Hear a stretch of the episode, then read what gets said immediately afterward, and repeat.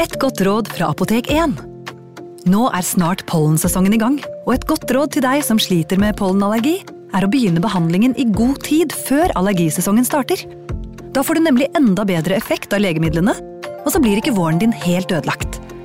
Kom innom og få råd på ditt nærmeste Apotek 1, eller chat med oss på apotek1.no. Apotek 1 vår kunnskap, din trygghet.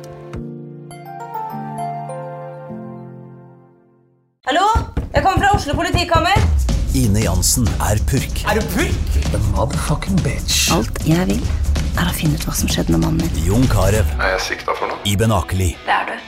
Ole So, Lars Berrum og Big Daddy Karsten. Hvem sin side er du på, egentlig? Anette Hoff, Tone Danielsen, Kommer du fra Afrika? Jørnis Josef, Nesten. Kløfta. Trond Espen Seim, Det er synd å si det, men det var feil mann som døde. Purk. Premiere tirsdag på TV2 Play. Ungsamtalen fra DNB er økonomisk veiledning tilpasset deg som er ung. Bokk en ungsamtale på dnb.no. slash ung. Det er kjempebra hvis du skal inn på boligmarkedet, hvis det er drømmen din, liksom. Det er det du skulle sagt. Og så kunne du ropt litt mer, da, sånn som jeg gjorde. Bam! Advarsel. Denne podkasten inneholder skildringer av ekte drap og kriminalsaker som kan være støtende for enkelte. Det advares også mot sterke inntrykk i deler av episoden. Putnam County, Georgia, 6. mai 2014 Russell og Shirley Durman hadde levd et godt liv. I 2014 var Russell 88 og Shirley 87. De hadde vært gift i 64 år og oppnådd alt de drømte om. De bodde i et skjermet og fasjonabelt område og nøt pensjonisttilværelsen. Livet deres handlet nå om å få mest mulig ut av tiden de hadde igjen.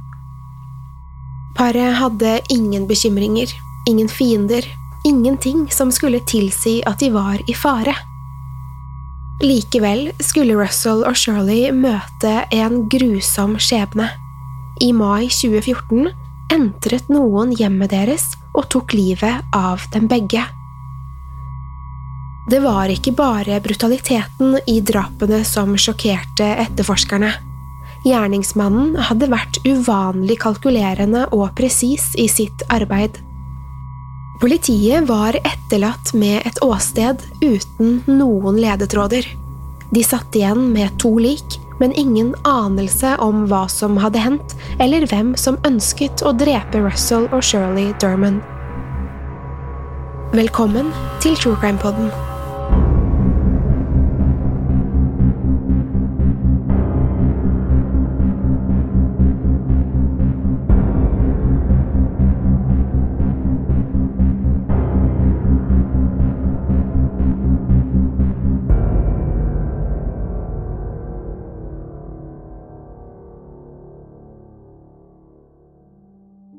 Russell Derman hadde levd et innholdsrikt liv.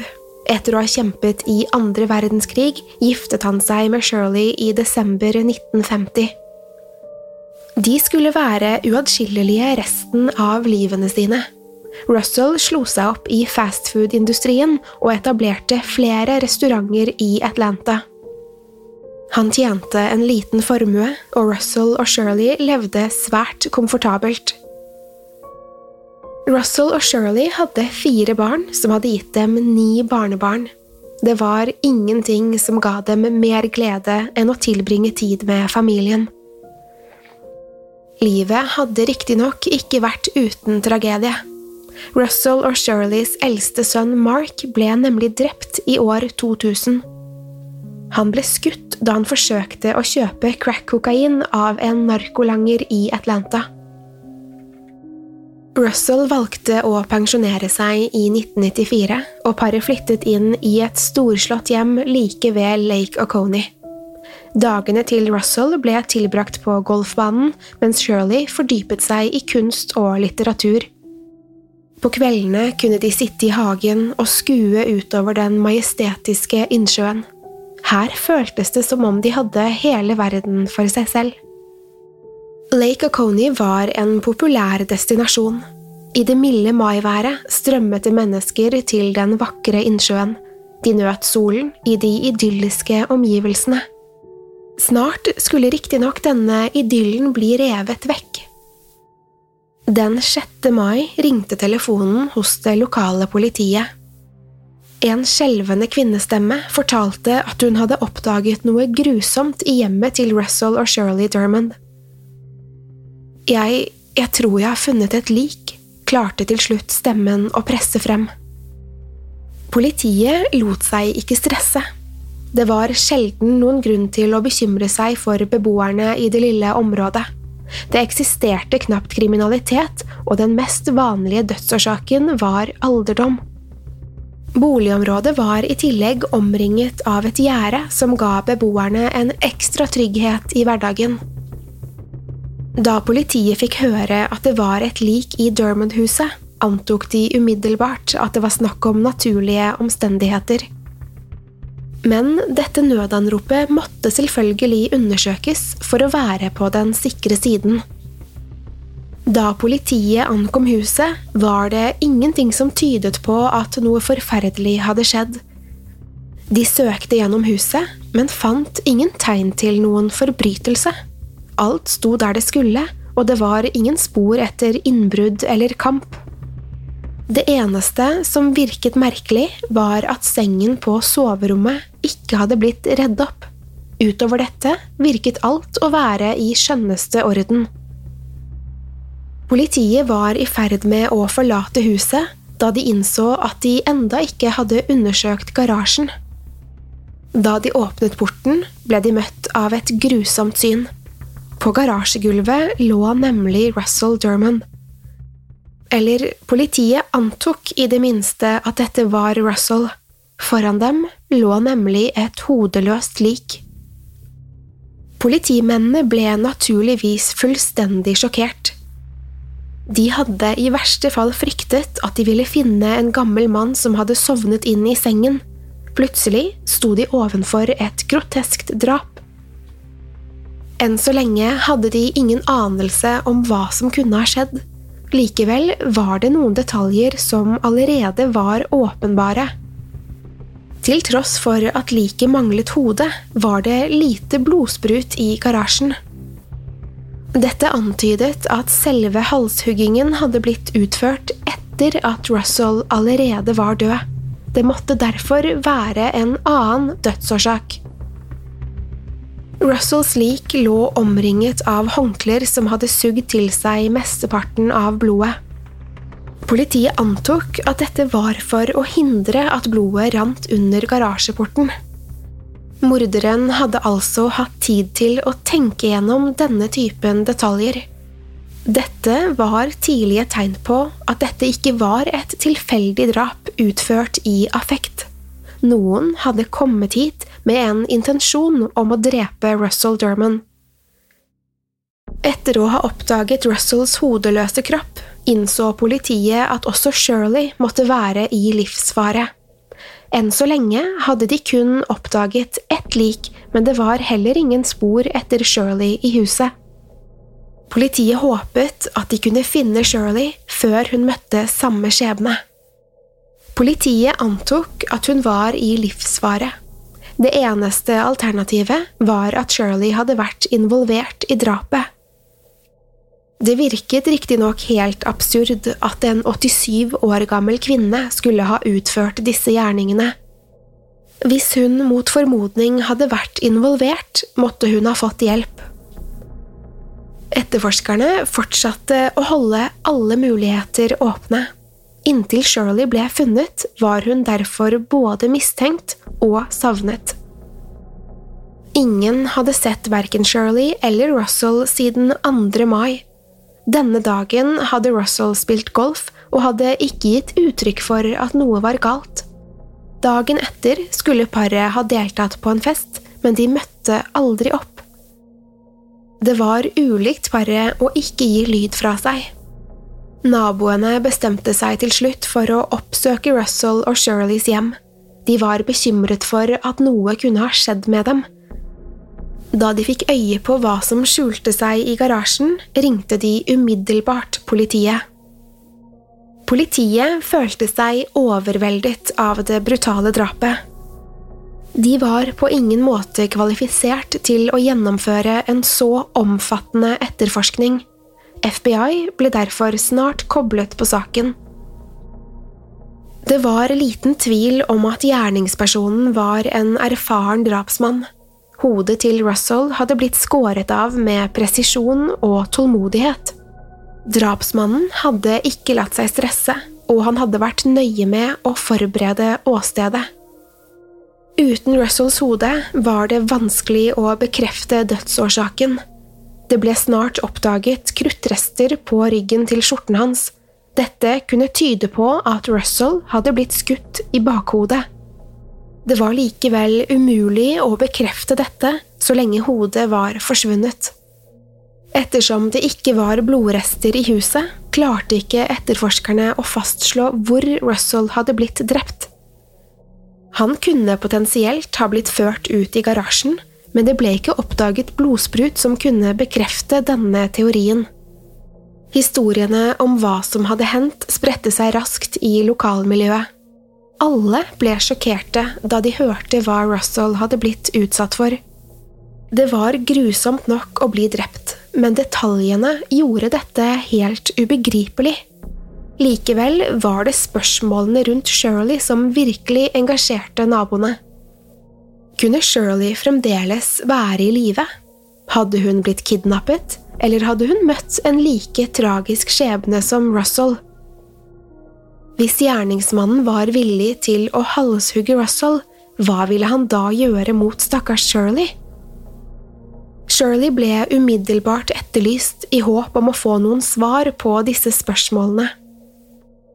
Bilder ble publisert i media og på store reklametavler over hele Georgia. Plakaten skrev at Shirley sannsynligvis hadde blitt kidnappet, men etterforskerne var usikre på om hun fremdeles var i live. Det ble gjennomført grundige søk i innsjøen og skogen som omringet huset. Det skulle gå ti dager før Shirley ble funnet. To fiskere hadde vært ute i en liten båt på Lake Oconee da de la merke til noe som fløt i vannet. Da de kom nærmere, innså de at det var et menneske. De tilkalte politiet, som umiddelbart kom for å undersøke dette funnet.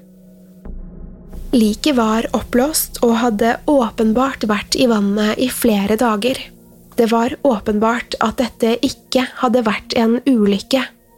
Rundt føttene var det nemlig knyttet sementblokker som hadde holdt liket under vann. Til slutt hadde det blitt så oppblåst at det fløt til overflaten. Kroppen var i så dårlig stand at det umiddelbart var vanskelig å identifisere den. Det var likevel tydelig at dette hadde vært en eldre kvinne. Etter grundige undersøkelser var det likevel ingen tvil. Dette var Shirley Dermond. Det var ikke drukning som var dødsårsaken. Shirley hadde blitt påført flere skader mot hodet. Disse skadene var grusomme. Hodeskallen hennes hadde blitt fullstendig knust. Shirley var allerede død da hun ble dumpet i innsjøen. Nok en gang var det åpenbart at morderen hadde lagt en plan. Ingenting virket tilfeldig med disse drapene. Liket ble funnet nesten en mil fra hjemmet deres. Det var åpenbart at gjerningsmannen ønsket å gjøre det vanskelig for etterforskerne. Det var i utgangspunktet flere overvåkningskameraer i området. Etterforskerne håpet at disse kanskje kunne gi noen sårt tiltrengte ledetråder. Uheldigvis var det ingen informasjon å hente fra opptakene. En storm hadde nylig herjet i området og ødelagt samtlige av kameraene. Drapene fortsatte å forvirre alle de involverte i etterforskningen. De fant ingen spor i huset, og visste ikke engang om det var her Russell og Shirley hadde blitt drept. Etter utallige søk i Russell og Shirleys hjem var de fremdeles usikre på hva som egentlig hadde skjedd. De hadde to lik, men ingen bevis, ingen drapsvåpen eller mistenkte i saken. De visste heller ikke om de så etter én eller flere drapsmenn. Etterforskerne hadde heller ikke noen idé om et mulig motiv. Hvem i all verden skulle ønske å drepe dette gamle ekteparet? Det var ingen tegn til innbrudd, og ingenting så ut til å ha forsvunnet fra huset. Enn så lenge arbeidet de bare med løse teorier om hva som kunne ha skjedd. Kunne det være at Russell og Shirley skjulte en hemmelighet? Utad hadde de fremstått som et lykkelig par uten fiender eller noen konfliktfylte relasjoner. De var religiøse og prioriterte familien over alt annet. De var 88 og 87 år gamle, så paret hadde uansett ikke altfor mange år igjen å leve. Personen som ønsket å drepe dem, hadde åpenbart ikke tid til å vente. Russell hadde penger, men det hadde samtlige innbyggere i dette boligområdet. Det virket uansett ikke som at penger var gjerningspersonens mål. Uten andre ledetråder valgte politiet å vende blikket mot parets familie. Kunne noen av barna være involvert i drapene? Alle fremsto samarbeidsvillige og sa seg også villige til å gjennomføre løgndetektortester. Etter flere avhør så ikke politiet noen grunn til å gå videre med denne delen av etterforskningen. Alle barna hadde vanntette alibier og hadde ikke vært i nærheten av Lake Oconee den 6. mai. Det var heller ingen grunn til å tro at de hadde hyret noen for å drepe foreldrene. Mark Derman hadde som nevnt blitt drept i en narkotikahandel i år 2000. Det var riktignok ingen som mistenkte at han kunne ha spilt en indirekte rolle i foreldrenes død. Mark hadde tross alt vært død i 14 år da foreldrene ble drept. Han hadde heller aldri vært involvert i distribusjon eller omsetting av narkotika. Mark Durman hadde rett og slett vært en rusmisbruker som møtte en tragisk skjebne. Drapsmannen hans ble arrestert og satt fremdeles i fengsel da Russell og Shirley ble drept. Det var ingenting som tydet på at dette var en hevnaksjon knyttet til Mark. Politiet snakket med alle som bodde i området, og håpet at noen hadde observert noe utenom det vanlige. Men heller ikke disse intervjuene ledet til noen oppdagelser. Dette var som nevnt et lite og skjermet boligområde. Naboene la stort sett merke til det dersom en ukjent bil entret nabolaget. Likevel var det ingen som kunne huske å ha sett eller hørt noe denne dagen. Dette ledet til nye teorier. Kanskje hadde ikke gjerningsmennene kommet kjørende langs veien i det hele tatt? Etterforskerne utforsket muligheten for at drapsmannen hadde ankommet med båt. Huset lå tross alt med utsikt over innsjøen og hadde til og med en privat brygge. Herfra var det bare noen meter opp til huset. Dersom gjerningsmannen kom uanmeldt, var dette en god måte å unngå å bli lagt merke til på. Til tross for den omfattende etterforskningen sto politiet fremdeles uten konkrete svar. Saken forble likevel høyt prioritert. Ofrene var to eldre, uskyldige personer som aldri hadde gjort en flue fortred. At en slik drapsmann fremdeles gikk fri, ble sett på som en skandale. Det som skulle være et trygt nabolag, hadde plutselig blitt et åsted for et virkelig grusomt drap. Frykten satte sitt preg på hele samfunnet. Det var ikke bare politiet som jobbet hardt med saken.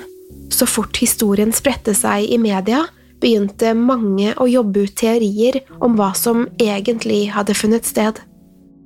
Et av de mest populære forslagene var at drapet var fullstendig umotivert. Mange tror altså at det ikke var noen kobling mellom Russell og Shirley og deres drapsmann. Denne teorien foreslår at gjerningsmannen rett og slett var ute etter å drepe, og at det gamle ekteparet ble valgt ut helt tilfeldig. Kanskje det var beliggenheten til huset som til slutt avgjorde deres skjebne? Muligheten for å entre eiendommen via båt og deretter entre huset usett presenterte en åpenbar fordel. Dersom morderen ønsket å drepe uten å bli forstyrret, var dette et ideelt sted å slå til. Denne muligheten holdt naboene våkne om nettene. Kunne det være en seriemorder på frifot?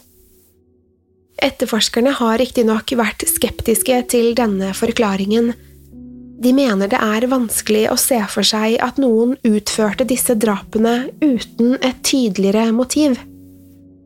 Politiet mente at det var mer sannsynlig at gjerningspersonene var ute etter noe da de entret huset.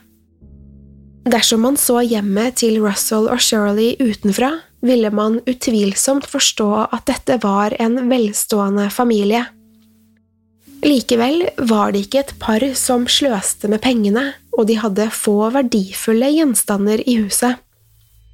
En innbruddstyv ville antageligvis blitt skuffet over fangsten, særlig basert på den imponerende fasaden. Politiet fryktet at paret kanskje ble drept etter å ha konfrontert de misfornøyde inntrengerne. Kanskje ble Russell truet med et våpen, og da han likevel ikke kunne hoste opp noen verdisaker, ledet kanskje dette til de grusomme drapene? Det er riktignok få konkrete bevis som kan underbygge denne teorien. Det som er sikkert, er at paret ble utsatt for uvanlig brutal behandling. Det er vanskelig å forestille seg at noen ville gått så langt med mindre det var resultatet av en større konflikt. Drapsmannen må ha ønsket å gjøre noe virkelig grusomt mot Russell og Shirley. Kanskje var dette frustrasjon over et mislykket innbrudd, men det kan også være andre underliggende faktorer. Det har blitt foreslått at drapene ble utført som en slags hevnaksjon mot familien. Det var likevel vanskelig å forstå hvem som skulle føle så mye hat mot det gamle paret. Russell ble beskrevet som en omtenksom og varm person uten noen åpenbare fiender. Flere spekulerte likevel i om han kunne ha terget på seg noen i sine mange år i forretningsverdenen. Russell hadde riktignok vært pensjonert i 20 år da han ble drept. Dersom Russell hadde slike fiender, var det noe han hadde lykkes i å holde skjult i en årrekke. Hvorfor skulle han nå, i en alder av 88, bli konfrontert med fortiden? Dersom han hadde vært involvert i korrupsjon eller ulovlig handel, er det også sannsynlig at politiet hadde oppdaget dette i etterforskningen. Mange fortsatte likevel å spekulere i Russells fortid. Ideen om at han hadde vært involvert i organisert kriminalitet, ble etter hvert introdusert som en mulighet. Dette stammer hovedsakelig fra måten Russell og Shirley ble drept. Både planleggingen og gjennomføringen av drapene bar preg på å være utført av en svært organisert morder. Flere mente at dette presenterte to muligheter. Drapene var enten utført av en seriemorder eller kanskje en leiemorder tilknyttet den kriminelle underverden. Disse teoriene ble raskt avvist av politiet, men det stanset ikke hobbyetterforskere fra å utforske muligheten. Mark Dermon ble igjen trukket fram som en mulig kobling til et større narkotikanettverk. Sannheten var riktignok at Russell og Shirley hadde lite kontakt med sønnen i tiden før han ble drept. Alle disse koblingene bar preget av å gripe etter halmstrå. Enn så lenge fremsto disse teoriene som fantasifulle forsøk på å komme til bunns i den uløselige saken. Det er likevel lett å forstå hvorfor disse teoriene dukket opp. De grusomme drapene og den totale mangelen på håndfaste bevis åpnet opp for ville spekulasjoner. Ettersom politiet sto uten konkrete svar, kunne de heller ikke avvise noen av teoriene fullstendig. Teoriene fortsatte derfor å dukke opp, uten at de nødvendigvis baserte seg på fakta eller bevismateriale. I september 2015 ble 34 år gamle Ryan Glenn arrestert. Han hadde vandret rundt i området og punktert bildekk med en stor kniv. Dette var ikke første gangen Ryan ble arrestert. Han hadde flere ganger havnet i trøbbel, blant annet for å ha angrepet andre mennesker. I etterkant av arrestasjonen ble Ryan etterforsket i sammenheng med drapene på Russell og Shirley. I et område med få kriminelle hadde politiet plutselig en mistenkt som kunne passe profilen. Ryan hadde bodd hos faren sin og vært en fri mann da Russell og Shirley ble drept. Han kunne dermed, i teorien, stå bak drapene. Likevel ble det vurdert som lite sannsynlig at han var gjerningsmannen. Ryan Glenn ble beskrevet som en gærning, og selv faren hans beskrev han som sinnssyk. Han skal ha vært besatt av kvinner, og skal ved flere anledninger ha oppført seg truende. Politiet spekulerte i om en av Ryans kniver kunne ha blitt brukt til å kappe hodet av Russell Derman. Ryan hadde riktignok ingen forhistorie med familien Derman, og politiet la aldri frem noe mulig motiv. Til tross for at politiet endelig hadde en mulig gjerningsmann, ledet ikke denne etterforskningen noen vei. Drapene har fortsatt å plage både familie og venner. Hvorfor i all verden skulle noen ønske å drepe Russell og Shirley Derman? Hvis de kunne bli drept på den måten, kunne jo hvem som helst lide den samme skjebnen. Hvem var Russell og Shirleys drapsmann? Var det kanskje flere gjerningspersoner som entret hjemmet deres? Etterforskerne har ikke gitt opp å finne svar på disse spørsmålene. Hver gang et hode eller benrester blir funnet, vekkes et lite håp om at det kan tilhøre Russell. Etterforskerne håpet lenge at dette skulle bli det gjennombruddet de sårt trengte, men enn så lenge forblir det bare en ønsketenkning.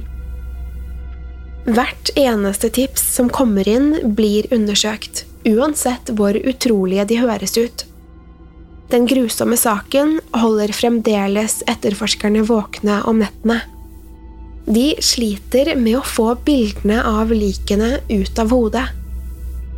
De blir forbannet av tanken på at gjerningsmannen fremdeles går fri. Den uforklarlige drapssaken ser ikke ut til å være noe nærmere en løsning. Saken forblir en av de store, uløste drapsgåtene i USAs historie. Teoriene lever videre, selv om etterforskningen tilsynelatende har stagnert. Med begrenset bevismateriale virker det stadig mindre sannsynlig at drapsmannen noen gang blir avslørt. Det er vanskelig å forstå at noe så grusomt kan skje med en uskyldig familie. Heldigvis ser dette ut til å ha vært et enkeltstående drap. Enn så lenge har ingen andre i området møtt en lignende skjebne. Hva alt dette betyr, er umulig å vite sikkert. Levde Russell og Shirley Durman et dobbeltliv? Ble de drept av noen som ønsket hevn, eller var det kanskje to helt tilfeldige drap? Inntil videre er det kun drapsmannen som kan svare på disse spørsmålene.